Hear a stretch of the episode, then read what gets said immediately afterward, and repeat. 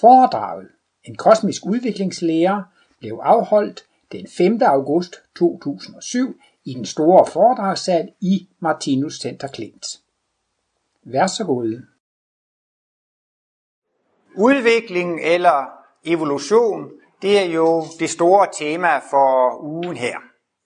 Og jeg skal holde et foredrag om kosmisk udviklingslære. Om en kosmisk udviklingslære. Og så kan man jo spørge sig, hvad er så forskellen på en kosmisk udviklingslærer og andre udviklingslærere? Jo, Martinus kosmologi, det er et evigt verdensbillede. Og det er altså en meget stor forskel i forhold til de andre udviklingslærere.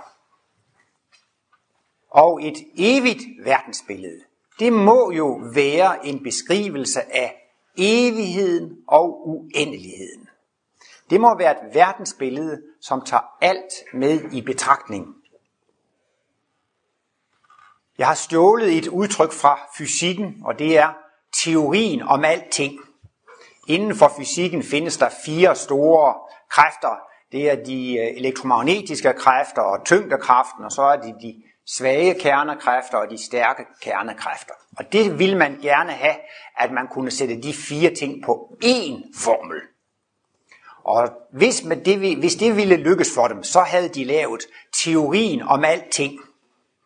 Og man har jo blandt andet den her moderne strengteori, og der er en dansker, der hedder Holger Bæk Nielsen, som er langt fremme i den internationale forskning omkring strengteorien. Og der var 150 eller 250 forskere fra hele verden samlet for at snakke om det. Og så, skulle, så stod der jo sådan en artikel i avisen, hvor der stod teorien om alting. Men så var det, jeg tænkte ved mig selv, jamen det kan da ikke være teorien om alting. Det er da Martinus verdensbillede, der er teorien om alting. Fordi Martinus han beskriver simpelthen alt, hvad der eksisterer. Alt, hvad der findes i det uendelige mikrokosmos. Alt, hvad der findes i det uendelige makrokosmos. Evigheden og uendeligheden. Alt er medtaget. Inklusive moms.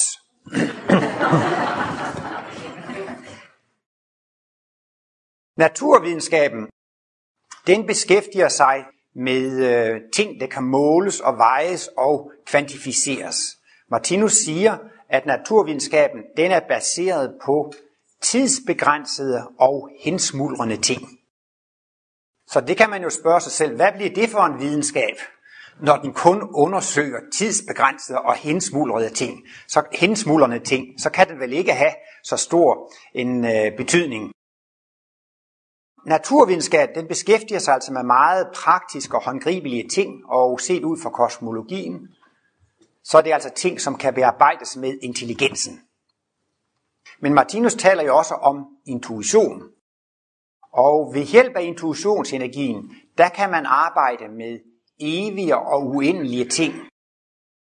Og ved hjælp af intuitionen kan man se større sammenhænge og helheder.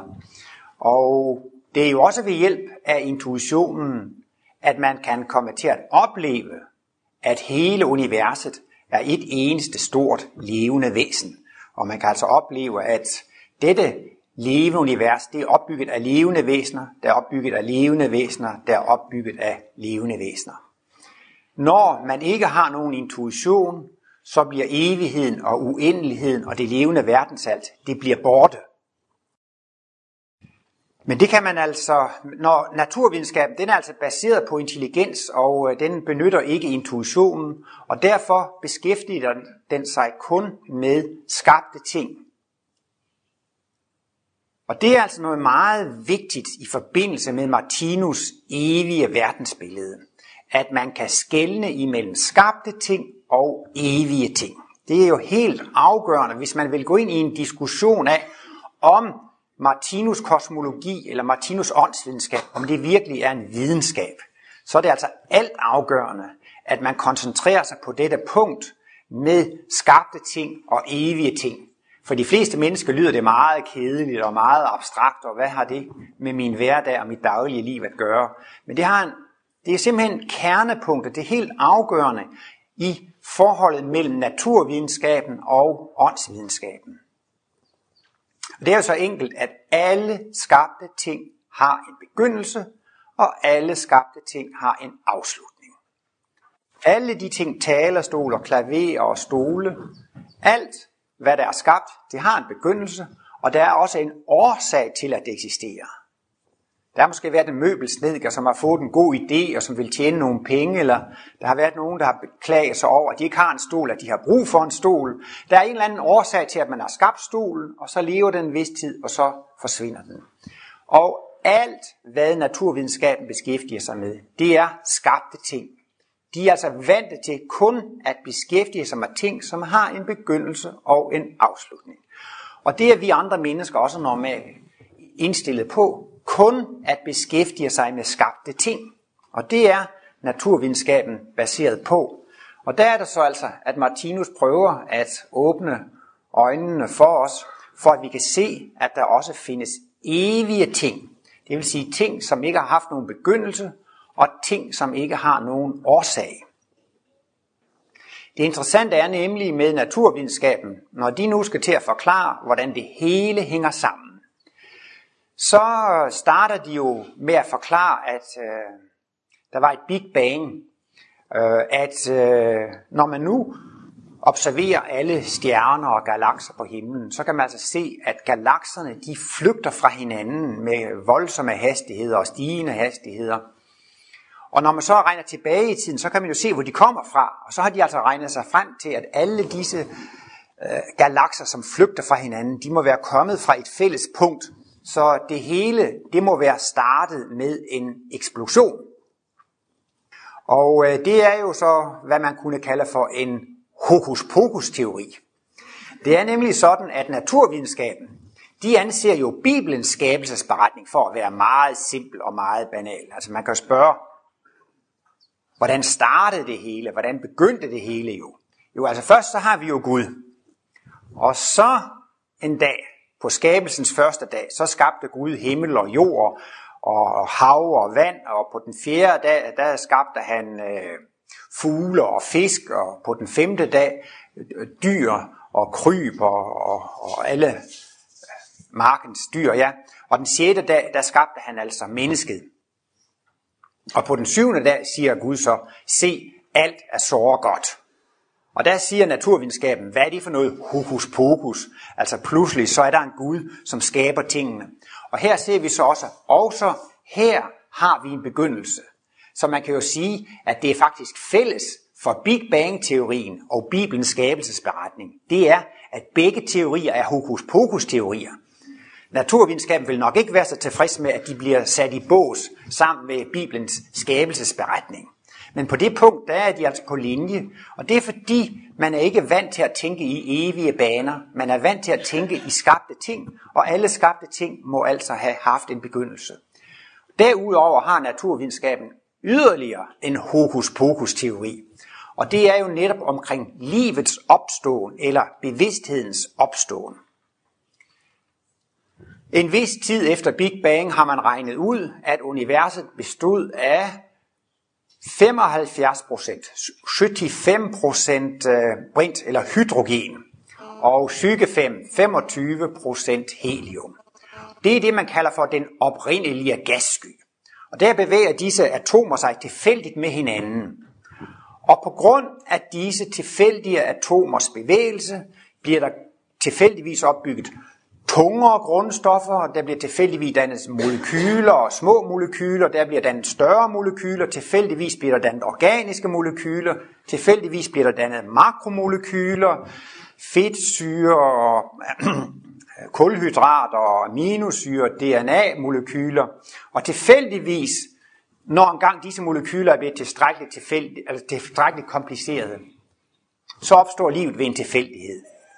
Så man mener altså, at den oprindelige livløse, materialistiske, fysiske atomer i den oprindelige gassky er årsagen til livets oprindelse.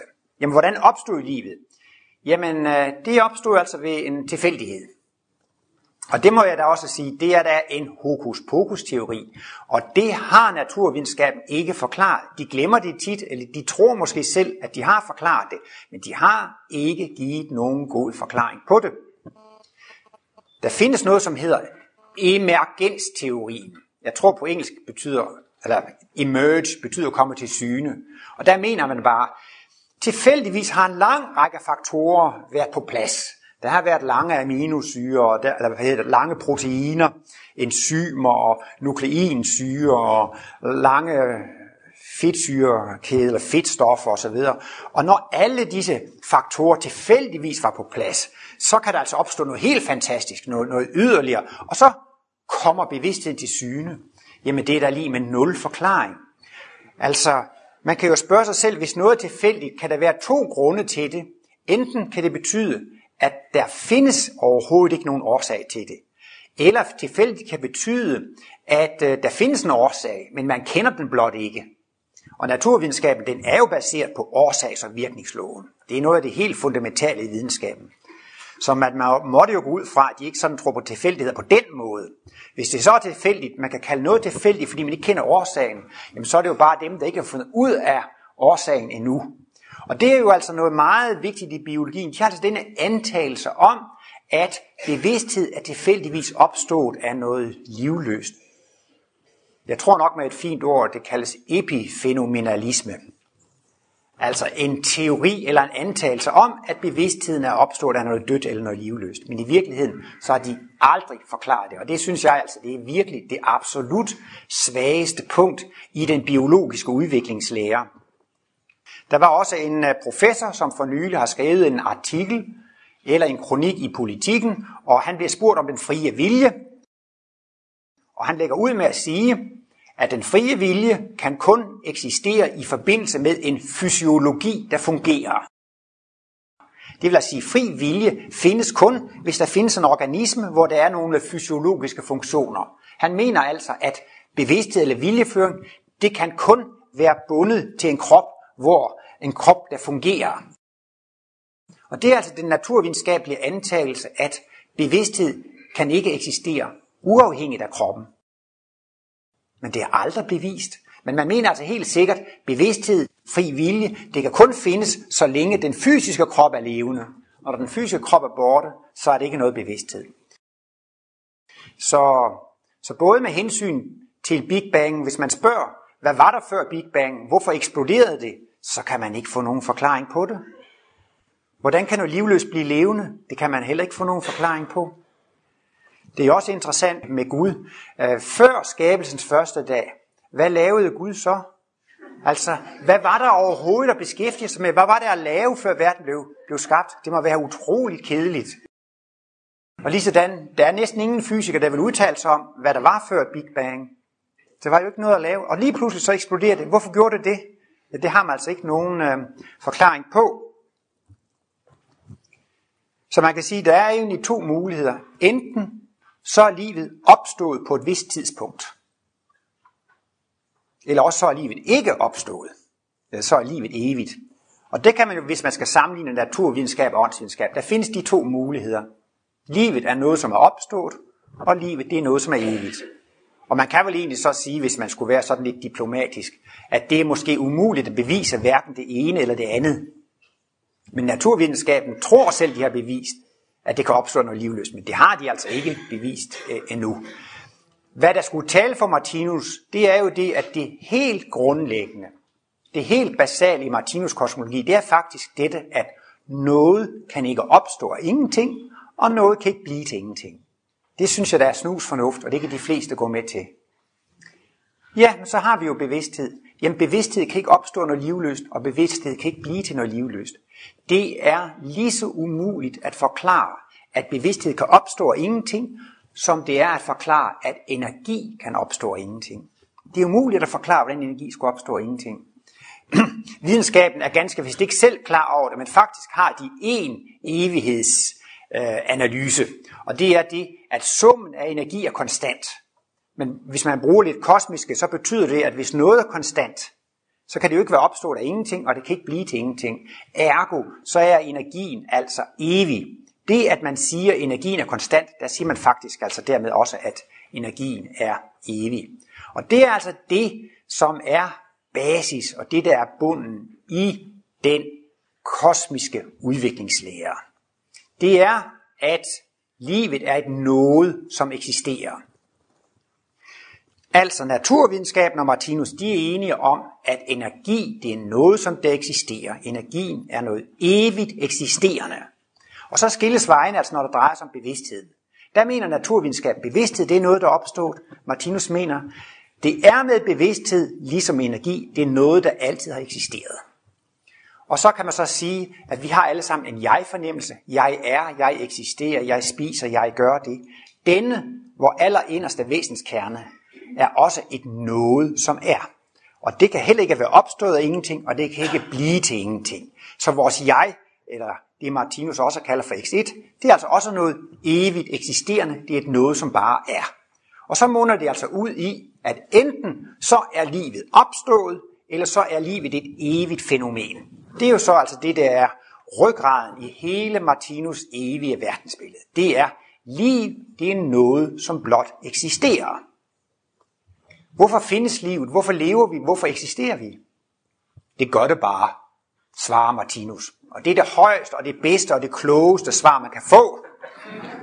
Og der er det jo mange, der bliver lidt skuffet, fordi hvis nu, at man er pædagog, og der kommer et barn og spørger, hvorfor må jeg ikke gøre det? Så svarer pædagogen, det må du bare ikke.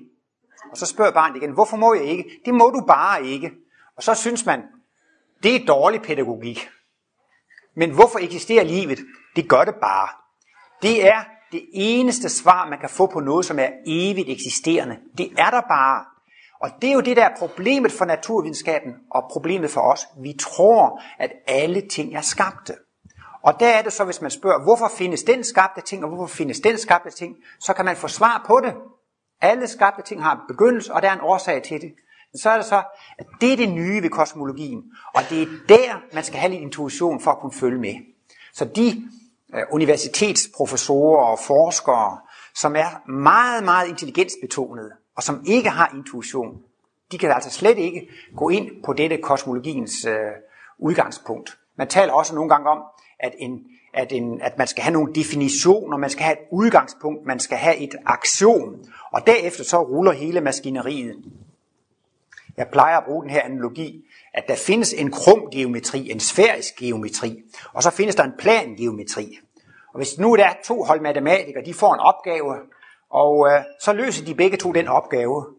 Og det ene hold, de regner med, at universet krummer. De bruger den sfæriske geometri. Og de andre regner med den plane geometri, at, øh, at der findes virkelig rette linjer og plane flader. Så når de jo frem til forskellige resultater. Og de protesterer jo begge hold, jamen vi har ikke lavet en eneste fejl. Nej, det var fordi, man havde forskellige udgangspunkter. Helt ned i bunden havde man forskellige udgangspunkter. Og det er så altså også det, det er der allerede vandene skilles med naturvidenskab og åndsvidenskab. Helt nede i bunden af åndsvidenskaben ligger der simpelthen bare dette udsagn, at livet er et evigt eksisterende fænomen. Og når man er med på det, så vil jeg våge at påstå, så laver Martinus ikke en eneste regnefejl i hele sit værk. Martinus argumenterer logisk og regner rigtigt hele vejen igennem. Og naturvidenskaben siger, at liv det er noget, der er opstået. Det har en begyndelse. Og så kan man faktisk også sige, jamen så laver naturvidenskaben heller ikke nogen regnefejl. Fordi de går altså ud fra, bevidsthed det er noget, der er opstået. Så i stedet for at diskutere, findes der tidligere liv eller ikke tidligere liv, reducerer jeg tit det problemet. Enten så er liv og bevidsthed evig, eller, eller så, så er det øh, det ikke. Den øh, darwinistiske udviklingslære, den har to hovedpunkter. Og inden jeg kommer så langt, skal jeg også lige sige, at øh, den darwinistiske udviklingslære beskæftiger sig ikke med livets opståen. Så det er jo nemt nok lige at springe over det. Så, så hvis vi nu altså har noget liv, ikke sandt, så vil dette, vil dette liv udvikle sig. Og der er to hovedfaktorer, der gør, at dette liv udvikler sig. Og det første, det er, at der findes en naturlig variation. Man kan kigge i naturen, og inden for en art, der findes mange forskellige variationer. Og her sidder jo også menneskearten, og vi kan kigge på de forskellige mennesker her. Og der er også en meget stor variation. Og øh, i 1953, da man fandt ud af DNA-molekylets struktur, det var det øh, spiralsnode, de to spiralsnode øh, spiraler der, der fandt man ud af, at øh, disse DNA-strenge, de kunne kopieres. disse to strenge kunne deles, og så kunne hver enkelt streng øh, danne et spejlbillede af sig selv. Nogle gange så opstår der en kopieringsfejl. En af delene falder væk, eller der kommer en forkert enhed ind. Så opstår der en mutation. Så nu taler man altså om mutationer i den samme betydning, som at der er en, en naturlig variation. Det er altså en variation, som kommer af sig selv ud af den blå luft.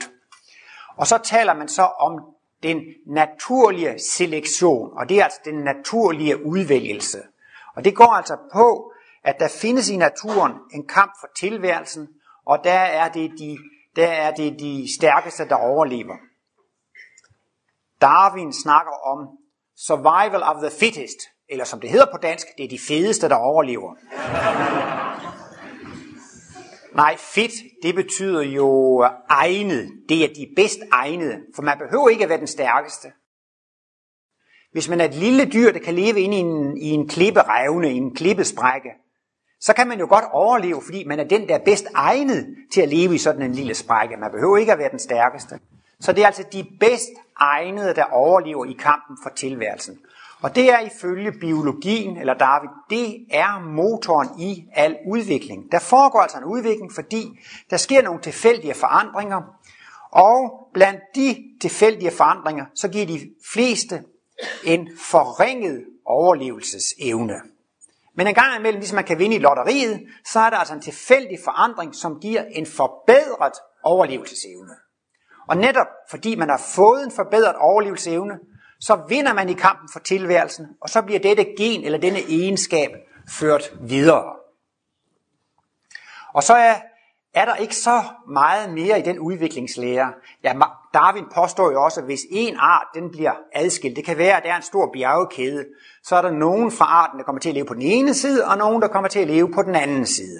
Og der er så forskellige livsvilkår så er det jo så klart, at så udvikler de evner til at overleve i de nye livsvilkår, og så kan to arter altså vokse lidt fra hinanden. Det kan også være en art, så havner de på to forskellige, lidt isolerede øer, hvor der også er forskellige livsbetingelser, og så udvikler man sig også lidt på, på forskellige vis.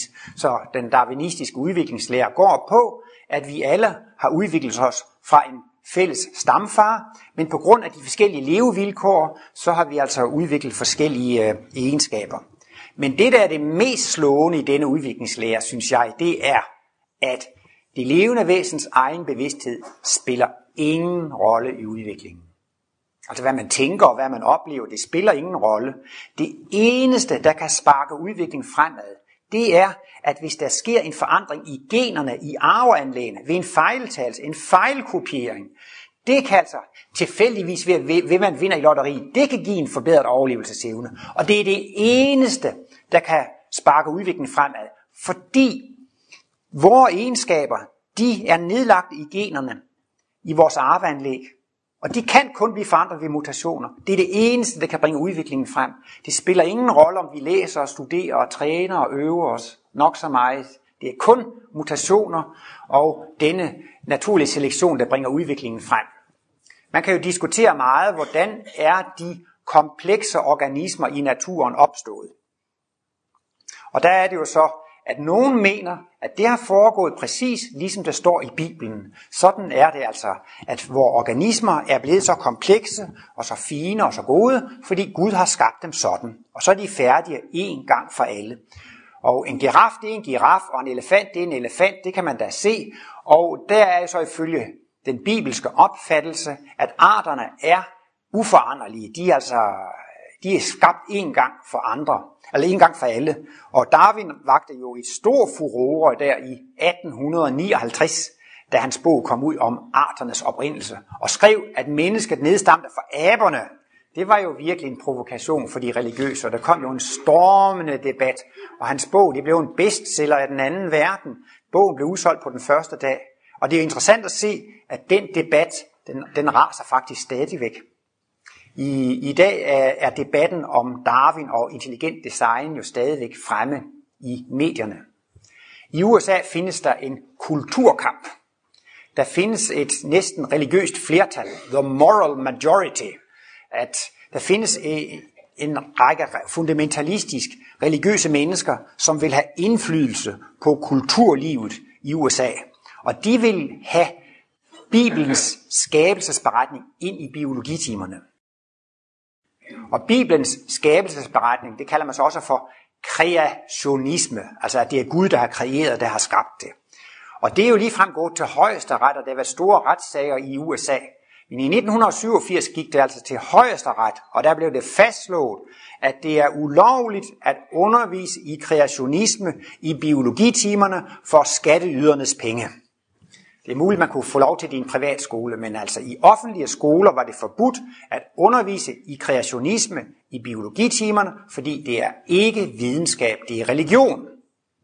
Og så gik de jo så i tænkeboksen, de religiøse, og så fandt de ud af, jamen så laver vi jo det om til en videnskab, for når det er en videnskab, så kan vi jo få lov til at undervise det i biologitimer. De havde en lærebog i kreationisme, og så ændrede man alle steder, hvor der stod i kreationisme, skrev man i stedet intelligent design. Og så sagde man, nu har vi lavet en ny teori, og den hedder intelligent design. Det er en videnskabelig teori. Og så for at være helt sikker, så sagde vi, den her teori har ikke noget med religion at gøre, den har ikke noget med Gud at gøre. Det er en videnskabelig teori, og øh, man kan faktisk sige, at denne teori har til formål at vise, at Darwin tager fejl. Og øh, der findes jo også, synes jeg selv, visse ting, som darwinismen ikke kan forklare. Et af de almindelige eksempler, det er det her med blodkoagulationen. For at vores blod kan størkne, så skal vi have 10 enzymer, som skal fungere den ene efter den anden. Og hvis bare et af de 10 enzymer er defekt, så kan blodet ikke koagulere. Og så får vi den her blødersygdom. Og den er jo især blevet kendt i kraft af det engelske kongehus, hvor der har været den blødersygdom. Og jeg kan ikke huske, men det er måske enzym nummer 9 eller enzym nummer 7, som er defekt. Og så kan blodet ikke størkne. Så siger man så, jamen Darwin postulerer, at udviklingen er gradvis, og den foregår ved små modifikationer, som giver en overlevelsesfordel. Selvom man nu kunne lave et enzym ved en tilfældighed, som består af, af 100 eller 1000 eller 2000 enheder, det i sig selv er jo meget usandsynligt, at det skulle ske ved en tilfældighed. Og selvom det så nok ved en ny tilfældighed skulle opstå et enzym nummer 2 og nummer 7 og nummer 8, det giver stadigvæk ikke nogen overlevelsesfordel. Det er først, når alle brikker er på plads, at det giver en overlevelsesfordel. Derfor kan blodkoagulationssystemet ikke være opstået på den måde, som Darwin har beskrevet det. Og det synes jeg, det lyder rigtigt. Det synes jeg, det er et godt argument for slet ikke at snakke om hele cellen. Det er en stor kemisk fabrik. Og bare der mangler et enzym i den fabrik, så kan hele cellen gå i stå, ikke? Lidt ligesom hvis man går hen og løfter tændrøret af motoren i en bil, så kan den ikke køre. Hvis man plukker et tandhjul ud af et, et gammeldags ur med tandhjul, så virker uret ikke. Og det er jo ligesom, at når der er noget menneskeskabt, så skal alle delene være på plads på én gang, før at helheden fungerer. Og det er jo i hvert fald meget i cellens kemi, i biokemien. Der er så mange ting, de fungerer kun, når alle brikker er på plads på én gang. Så kan de ikke være udviklet en efter en, hvor de giver en øjeblikkelig overlevelsesfordel. Overlevelsesfordelen kommer først, når alle brikker er på plads. Der synes jeg, at intelligent design har et godt argument. Og så siger de jo så også, nu er vi videnskabelige. Og så mener de så til sidst at have bevist, at Darwin tager fejl. Og det synes jeg også, der må være en anden årsag. Det synes jeg er fair nok. Der må være en anden årsag. Så siger de, der må være en intelligent årsag. Og så slutter teorien der, fordi den skal være videnskabelig. For nu må man ikke sige Gud, og man må ikke sige religion. Men der er ikke ret meget mere i intelligent design. De prøver også på at modbevise Darwin på grund af, at der mangler fossiler af mange overgangsstadier imellem arterne. Men Martinus siger selv i øh, bogen Logik, at naturligvis er udviklingen foregået gradvist. Og det, at vores videnskab i dag ikke har fundet fossiler af alle overgangsstadier, det beviser jo ikke, at de ikke har eksisteret. Det kan jo være, at vi ikke har fundet dem endnu. Det kan være, at de rent faktisk ikke blev lavet nogle forsteninger der, hvor de levede osv. Så, så, så selvom man kører frem med, at vi ikke har fundet alle overgangsstadier mellem arterne, så er det ikke noget afgørende bevis for, at det, det, det er forkert. I alle fald, så er det så det, at denne debat mellem Darwin og intelligent design, den, den kører stadigvæk for højtryk. Hvordan kan en diskussion køre i 150 år? Det må da være, fordi begge parter har ret. Eller det må være fordi, at begge parter har fat i noget rigtigt. Og darwinismen har fat i noget rigtigt. Ja, det er rigtigt, at udviklingen foregår gradvist og kontinuerligt. Og intelligent design siger, at der må der være en intelligens, en skabende bevidsthed bag det her. Ja, det er der også ifølge Martinus kosmologi. Så Martinus kan jo ligesom vise darwinismens og intelligent designs øh, lokale øh, position og deres lokale berettigelse. Og øh, så vil jeg gerne fortsætte med at øh, nærmere at karakterisere den kosmiske udviklingslære. Det er jo sådan, at hver gang vi gør en oplevelse, så bliver der lavet en kopi af oplevelsen. Det er næsten ligesom, hvis vi er på skovtur og har fotografiapparater med, og hver gang vi trykker, så får vi en kopi af en oplevelse. Og det er takket være vores hukommelsesenergi. Hver eneste gang vi gør en oplevelse, så bliver der lavet en kopi. Og det, Øh, denne kopi, den bliver jo så lagret i hukommelsesenergi. Vi kan jo sige, at vi har et livskartotek, som er fyldt af en lang række oplevelser, vi har fået. Hvad enten vi vil eller ej, så bliver der dannet en kopi hver eneste gang. Hvorfor gør der det? Det gør der bare, fordi livet eksisterer bare, og det man kan konstatere, det er, at livet, det fungerer bare. Så kan man begynde at undersøge, og det er det, som Martinus forklarer, hvordan kan det lade sig gøre, at livet fungerer. Men det er bare et faktum, at livet fungerer, og livet udvikler sig, livet forandrer sig. Så begynder Martinus jo at gå i gang med, jamen i analysen kan man sige, at der er en skaber, en skabe evne og noget skabt. Der er x1, x2, x3. Og han kan gå ind og sige, jamen det laborerer med seks forskellige grundenergier. Og så går han jo ind i at, i at lave nogle analyser af, hvordan det levende væsen fungerer. Og det er jo da, synes jeg, den mest naturlige forklaring på udviklingen.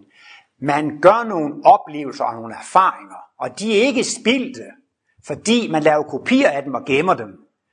Og det er jo interessant, at selvom det er den bibelske skabelsesberetning af intelligensen, så er det kun Guds intelligens, eller denne intelligente årsag, som væsenets egen bevidsthed spiller ingen rolle, og i darwinismen, væsenets egen bevidsthed spiller ingen rolle. Det er jo højst mærkværdigt, for det er jo det absolut primære i al udvikling. Det er dog væsenets egen bevidsthed.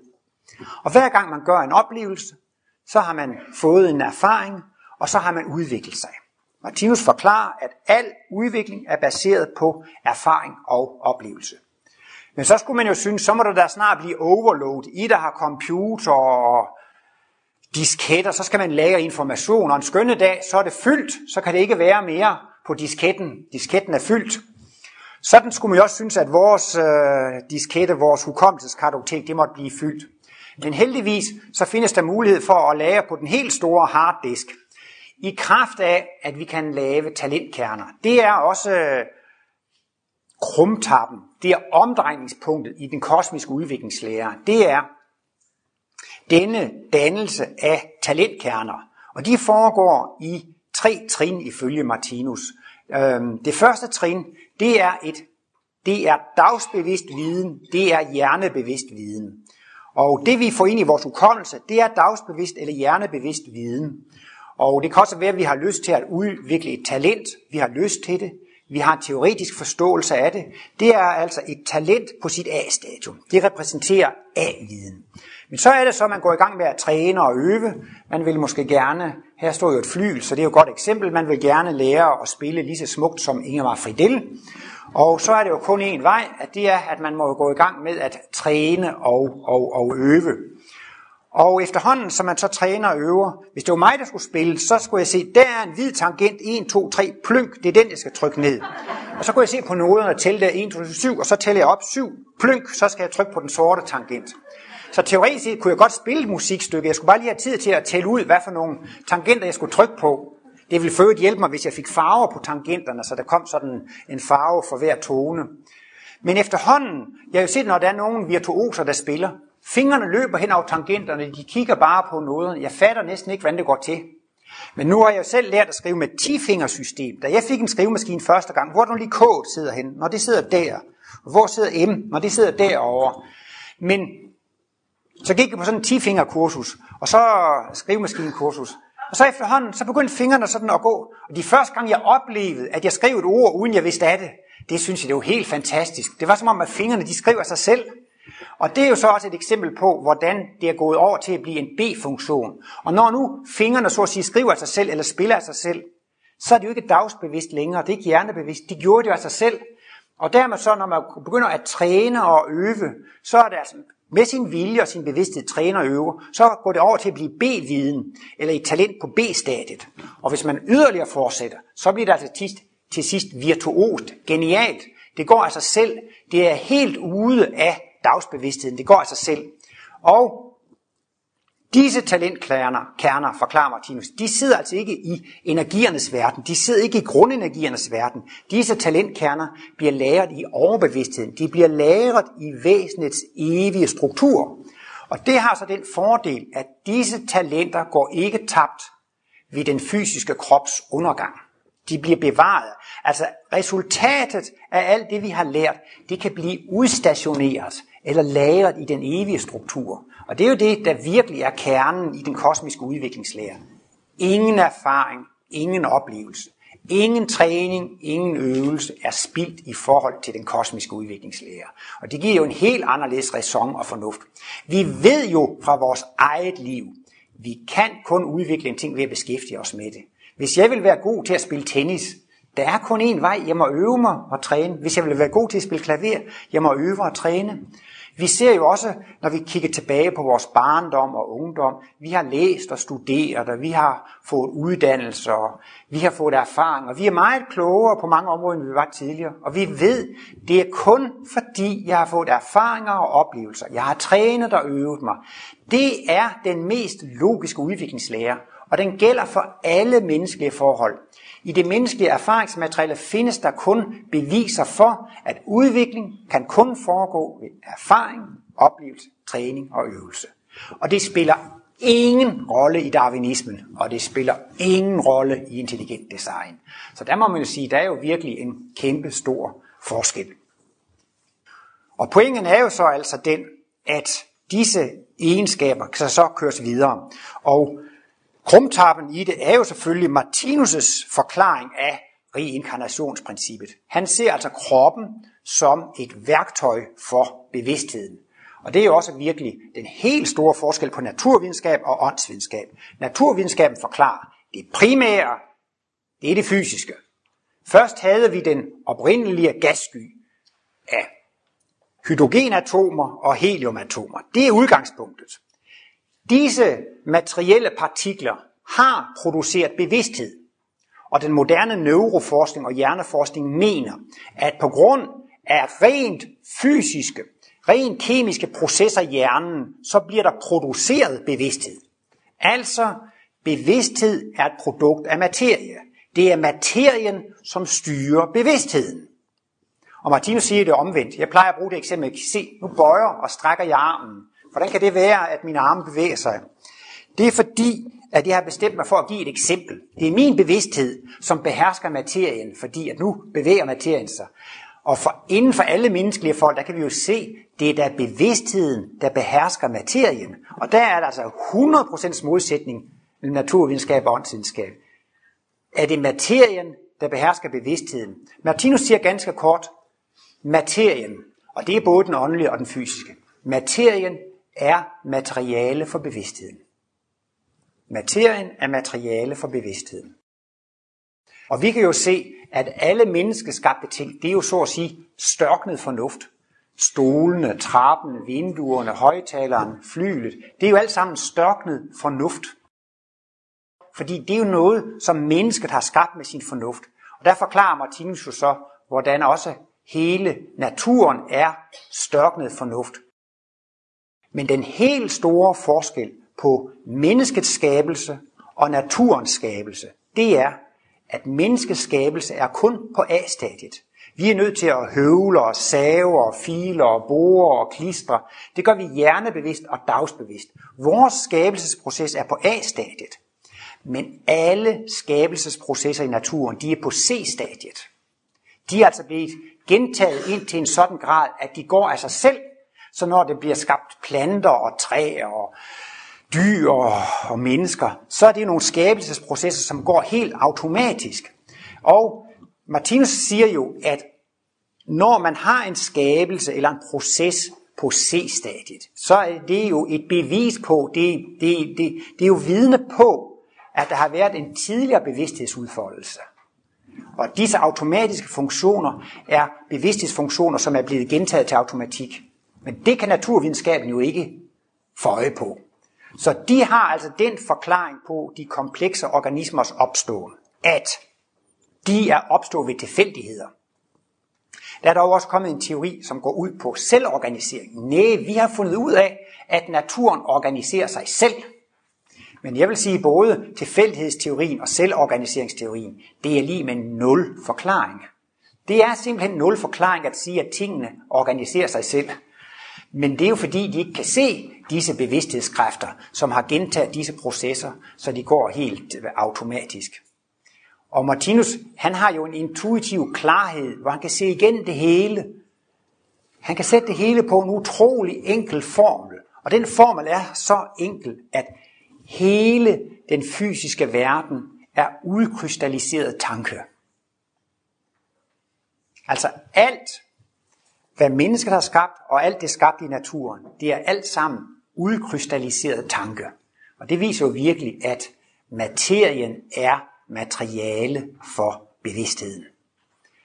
Og øhm, Martinus ser jo så altså kroppen som et rent redskab. Vi har en mand, som kommer cyklende på en cykel. Så siger vi, cyklen det er redskabet, og manden det er altså ham, der cykler. Og vi forveksler ikke, øh, Øh, om vi så må sige, øh, brugeren med redskabet. Hvis vi har en skovarbejder, og han bruger en motorsav til at fælde træ, så forveksler man jo ikke skovarbejderen og motorsaven. Den ene er brugeren, og den anden er redskabet. Det er nemt nok at se forskel på, at der er en bruger, og der er et redskab.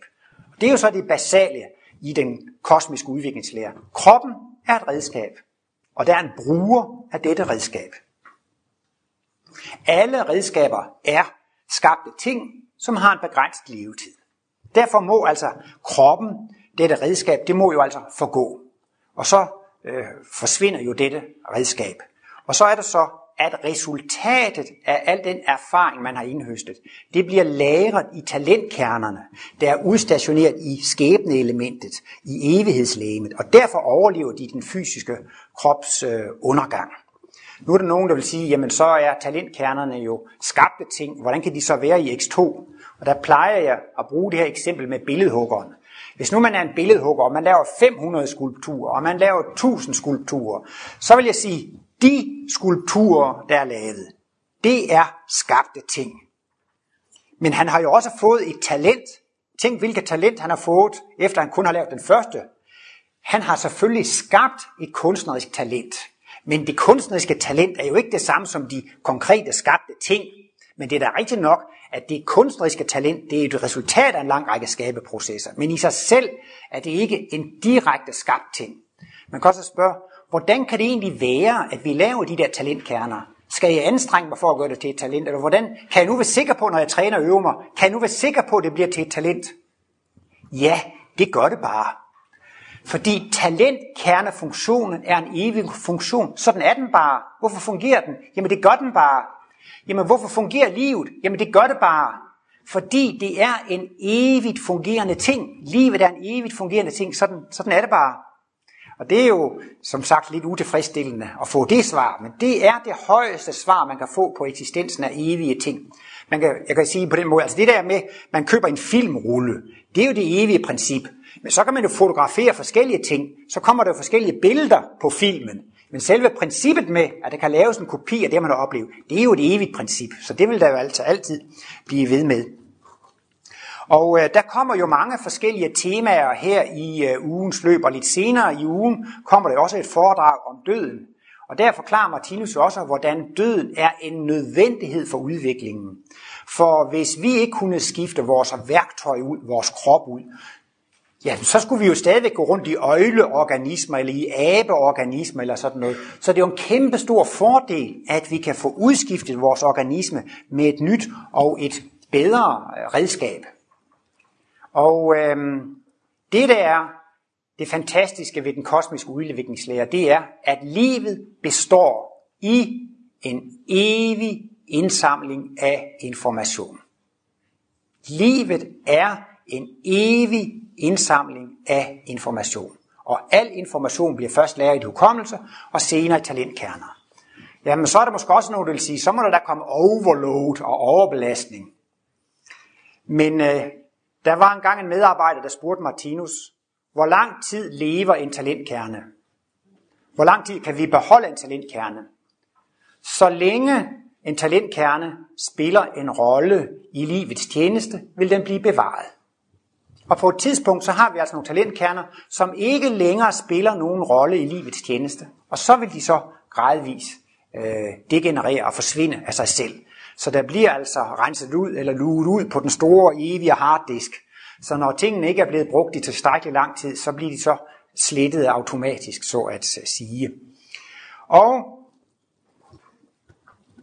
al information, al viden ligger i talentkerner i X2. X2 er skabeevnen. Det er moderenergien, som styrer og regulerer alle grundenergierne. Derovre på væggen har I jo et smukt symbol over grundenergiernes kombination.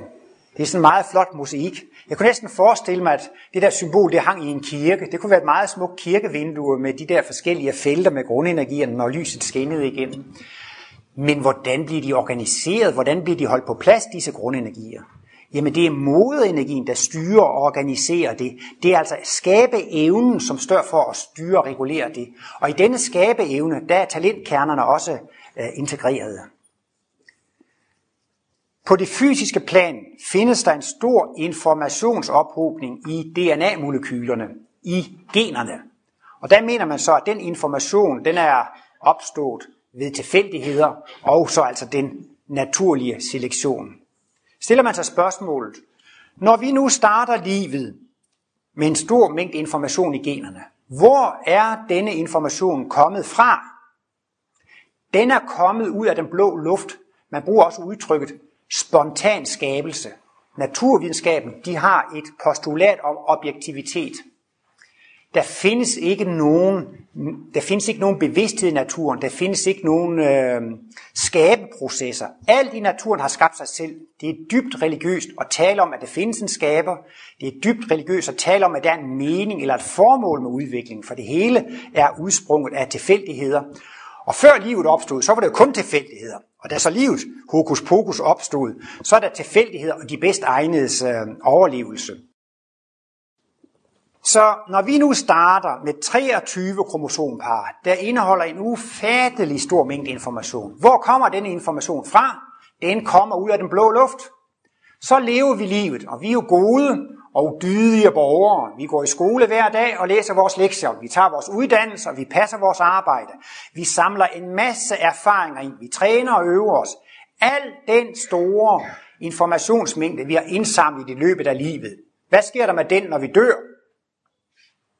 Den forsvinder ud i den blå luft. Det er der to ejendommelige teorier. Den information, vi starter med i DNA-molekylerne, der er informationen kommet ud af den blå luft, og så samler vi information ind hele livet, og den fosser bare ud i den blå luft. Det er jo to helt absurde teorier. Og der er det jo Martinus' kosmiske udviklingslære, den bliver jo så logisk, at den information, vi indsamler i et liv, den bliver udstationeret og lagret i talentkernerne i X2, og så kører den videre til næste liv. Vi kan jo netop ikke huske de tidligere liv. Så derfor kan vi ikke rigtig få fat i det, vi kun kan huske, men alt det, der er blevet omdannet til talentkerner, det kan så øh, overføres. Og der er det så, at det, man kalder mutationer, det er jo i virkeligheden X2 eller skabeevnen, som virker ind på den fysiske materie. Og der taler man jo altså i darwinismen om den naturlige selektion. Og der har jeg så selv defineret et brev, som jeg kalder for åndelig selektion. Det er talentkernerne, der ved hjælp af en åndelig selektion udvælger de øh, mutationer, som er brugbare. Og jeg vil også våge den påstand, at det er skabeevnen, som fremkalder mutationerne, og det er også skabeevnen, som i kraft af love for tiltrækning og frastødning udvælger de gener og kromosomer, der kan bruges. Så man kan altså sige, at generne er et spejlbillede af talentkernerne. Og ligesom når man sidder, jeg sidder tit og skriver på dokumenter, det bliver større og længere og længere, så en gang imellem, så må man lære det og lave en udskrift. Så skriver man mere, så laver man og laver en ny udskrift, og så vokser det jo lidt. Og sådan kan man så sige, for hvert liv, så lager vi også vores information i bevidstheden. Men nu skal den lige skrives ud, og det gør den ved, at vi bliver født i et bestemt genetisk materiale. Vi får 23 kromosomer for far og 23 kromosomer for mor, og så laver vi en ny udskrift. Det er et fysisk liv. Så næste gang vi bliver født, så har vi jo lært noget nyt. Så skal vi have lavet en ny udskrift. Så får vi jo en ny og en bedre krop. Og det kan kun lade sig gøre i kraft af liv og død. Og det skal vi så høre mere om senere i ugen, når vi skal til at høre om, hvordan øh, livet og døden spiller en rolle for udviklingen. Jeg fremhæver også tit, at der er tre store ting i kosmologien. Og øh, det er øh, dette, at Martinus han har kunnet retfærdiggøre mørket og forsvare mørket og vise, hvordan alt er så godt. Martinus taler om det behagelige gode og det ubehagelige gode, og det kommer vi også til senere i ugen. Og Martinus, som noget helt nyt, det er også det her med kærlighed til mikrokosmos, at organerne og cellerne og molekylerne er levende væsener. Og vi skal vise kærlighed til mikrokosmos ved ikke at forgifte dem med giftige nydelsesmidler og med giftige tanker. Og så er det så også, at jeg synes, den største overraskelse i Martinus kosmiske udviklingslære, det er jo altså den seksuelle poludvikling. Der har været hanner og hunder, og der er hanner og hunder, der er mænd og kvinder. Men der skal ikke blive ved med at være mænd og kvinder i fremtiden. Der skal opstå et nyt køn. Vi skal have et tredje køn. Det synes jeg da, det er da en nyhed, der næsten fortjent at komme på forsiden af avisen. At vi er på vej mod et tredje køn, og vi kan jo se, at mænd begynder at ligne kvinderne mere og mere, og kvinderne begynder at ligne mændene mere og mere. Der bliver mindre og mindre forskel på mænd og kvinder, og det har Martinus jo lavet en meget stor udviklingslære over. Og det er også et af de temaer, som skal behandles senere i ugens forløb. Det er meget praktisk, når der er så lidt tid tilbage, så kan jeg bare henvise til de kommende foredrag. Og øh, denne udvikling af den seksuelle udvikling er jo også koblet til, at i den enpolede tilstand, der er ens lykke afhængig af, at man ejer eller besidder, altså har en partner. Og selve parringen giver jo, den seksuelle vellyst giver det største guddommelige lys, man kan opleve på det fysiske plan. Men så er man jo egentlig et ubehjælpsomt væsen. Ens lykke står og falder med de ydre vilkår, om jeg kan have en partner af modsat køn. Men vi skal udvikle os til en mental suverænitet, hvor vi kan være lykkelige og glade og harmonisk, helt uafhængigt af andre. Men i dyreriet afhænger vores lykketilstand af, at vi har en partner. Og det er, så at sige, roden til alt ondt. Der har man altså ligesom rod, roden til al krig, kamp og konkurrence. Og for at få den dejligste partner af det modsatte køn, så må man være stærk. Øh, og i de menneskelige rækker, så skal man helst være rig og berømt og have penge, og det giver også den magt. Derfor er enpoligheden det er krigens anatomi. Det er den organiske struktur, det ligger bag al krig, kamp, jalousi. Men vi skal altså udvikle en dobbeltpolethed, som gør, at vi bliver mentalt suveræne og selvkørende og hele og fuldstændige og harmoniske mennesker. Og den dobbeltpolede struktur, det er jo altså netop øh, fredens anatomi. Og øh, det, kommer vi, det skal vi høre senere i, i ugens forløb. Og der kommer også et foredrag om, at vi skal udvikle os fra mørket til lyset. Og det er jo netop også i kraft af denne udvikling, hvor vi har levet i et, øh, i et øh, egoismens øh, rige, hvor dyrene de må kæmpe mod hinanden. Det er jo mørkets kulmination. Dyrene har en selvopholdelsesdrift, der byder dem at kæmpe for at overleve. Men denne drift skal efterhånden afløses og blive til en kærlighedsdrift. Menneskene vil efterhånden begynde at opdage, at de kan blive så lykkelige ved at gøre andre mennesker lykkelige. Øhm, et livsteorien, det er egoismens evangelium. Det ser ud til, at det lønner sig at blive millionær og milliardær. Hellere sund og rig end fattig og syg, som man siger. Det ser ud til, at man kan komme godt af sted med at være rigtig egoistisk og tage, fra, at tage godt fra af ressourcerne. Og jeg må sige, at jeg er overrasket over, hvor stor betydning det har jeg tænker også selv en hel del på det, med huspriser og pensionsfonde, og hvor skal jeg sætte min pension, hvor skal jeg sætte mine penge. Altså, folk er blevet utroligt fixeret på, hvordan kan man skaffe sig selv flest penge. Hvorimod Jesus siger, ingen har større kærlighed end den, der vil give sit liv for andre. Ingen har større kærlighed end den, der vil give sine penge til andre. Ingen har større kærlighed end den, der vil arbejde for de andre. Det er jo helt andre idealer. Men takket være etlivsteorien, så tror man, at det betaler sig at være egoistisk. Og det er jo netop det, at når mennesken efterhånden begynder at hjælpe andre og tjene andre, så opdager de, at de bliver så glade. Der har været et undersøgelse vist på et universitet i USA, hvor man har sat nogle deprimerede forsøgspersoner til at gøre tre gode gerninger om ugen. Og de skulle føre dagbog om det, hvad det var for noget godt, de havde gjort. De har måske været på sygebesøg eller gjort et eller andet, og de skrev det ned. Og det varede kun nogle få måneder. De blev så glade og fik det så godt, og så det er ved at være videnskabeligt bevist, at man kan blive lykkelig af at gøre andre lykkelige. Og det er jo det, der ligger i hele Martinus kosmologi. Han sagde det selv sådan lidt humoristisk. Min mission er at vise, at det betaler sig at være god. Og hvis man videnskabeligt kan vise, at det betaler sig at være god, at tjene sin næste, at hjælpe andre, i stedet for at være egoistisk og rave penge til sig og magt og berømmelse, så er det virkelig noget, der kan øh, forandre, forandre verden. Så derfor har Martinus jo altså lavet en kærlighedens videnskab, hvor han virkelig har vist, at det ikke bare er, er pænt og logisk og høfligt og, og kærligt og så videre, og, og, og være human og være hjælpsom. Det er altså simpelthen logisk og videnskabeligt at være. Og der opstår så en ny drift. Vi bliver simpelthen ulykkelige næsten, hvis vi ikke kan få lov til at tjene og hjælpe andre. Og i overgangsstaterne, når vi skal til lønforhandlinger for et løn, nej, nej, det er alt for høj løn, så meget, det kan, det kan jeg ikke tage imod. Og, altså fordi man får sådan en bevidsthed, jeg vil hellere være sikker på, at jeg har tjent og hjulpet andre. Jeg vil hellere være sikker på, at jeg har været et plus for omgivelserne, end at jeg har været et minus for omgivelserne. Og Martinus har også nogle dejlige analyser i bøndens mysterium over dette med, at, øh, at bøn kan gøres til en videnskab. En hver bøn, en hver tankekoncentration, der går på, hvordan kan jeg det være til gavn for omgivelserne, den bliver bønhørt. Og en hver tanke, en hver bøn, som går på, hvordan kan jeg bedst snyde omgivelserne, så jeg bliver et plus for mig selv og et minus for omgivelserne. Og det er jo netop at bønder, der, der ikke bliver, bliver hørt. Så efterhånden vil man jo virkelig udvikle sig frem til at få et helt anderledes samspil med omgivelserne.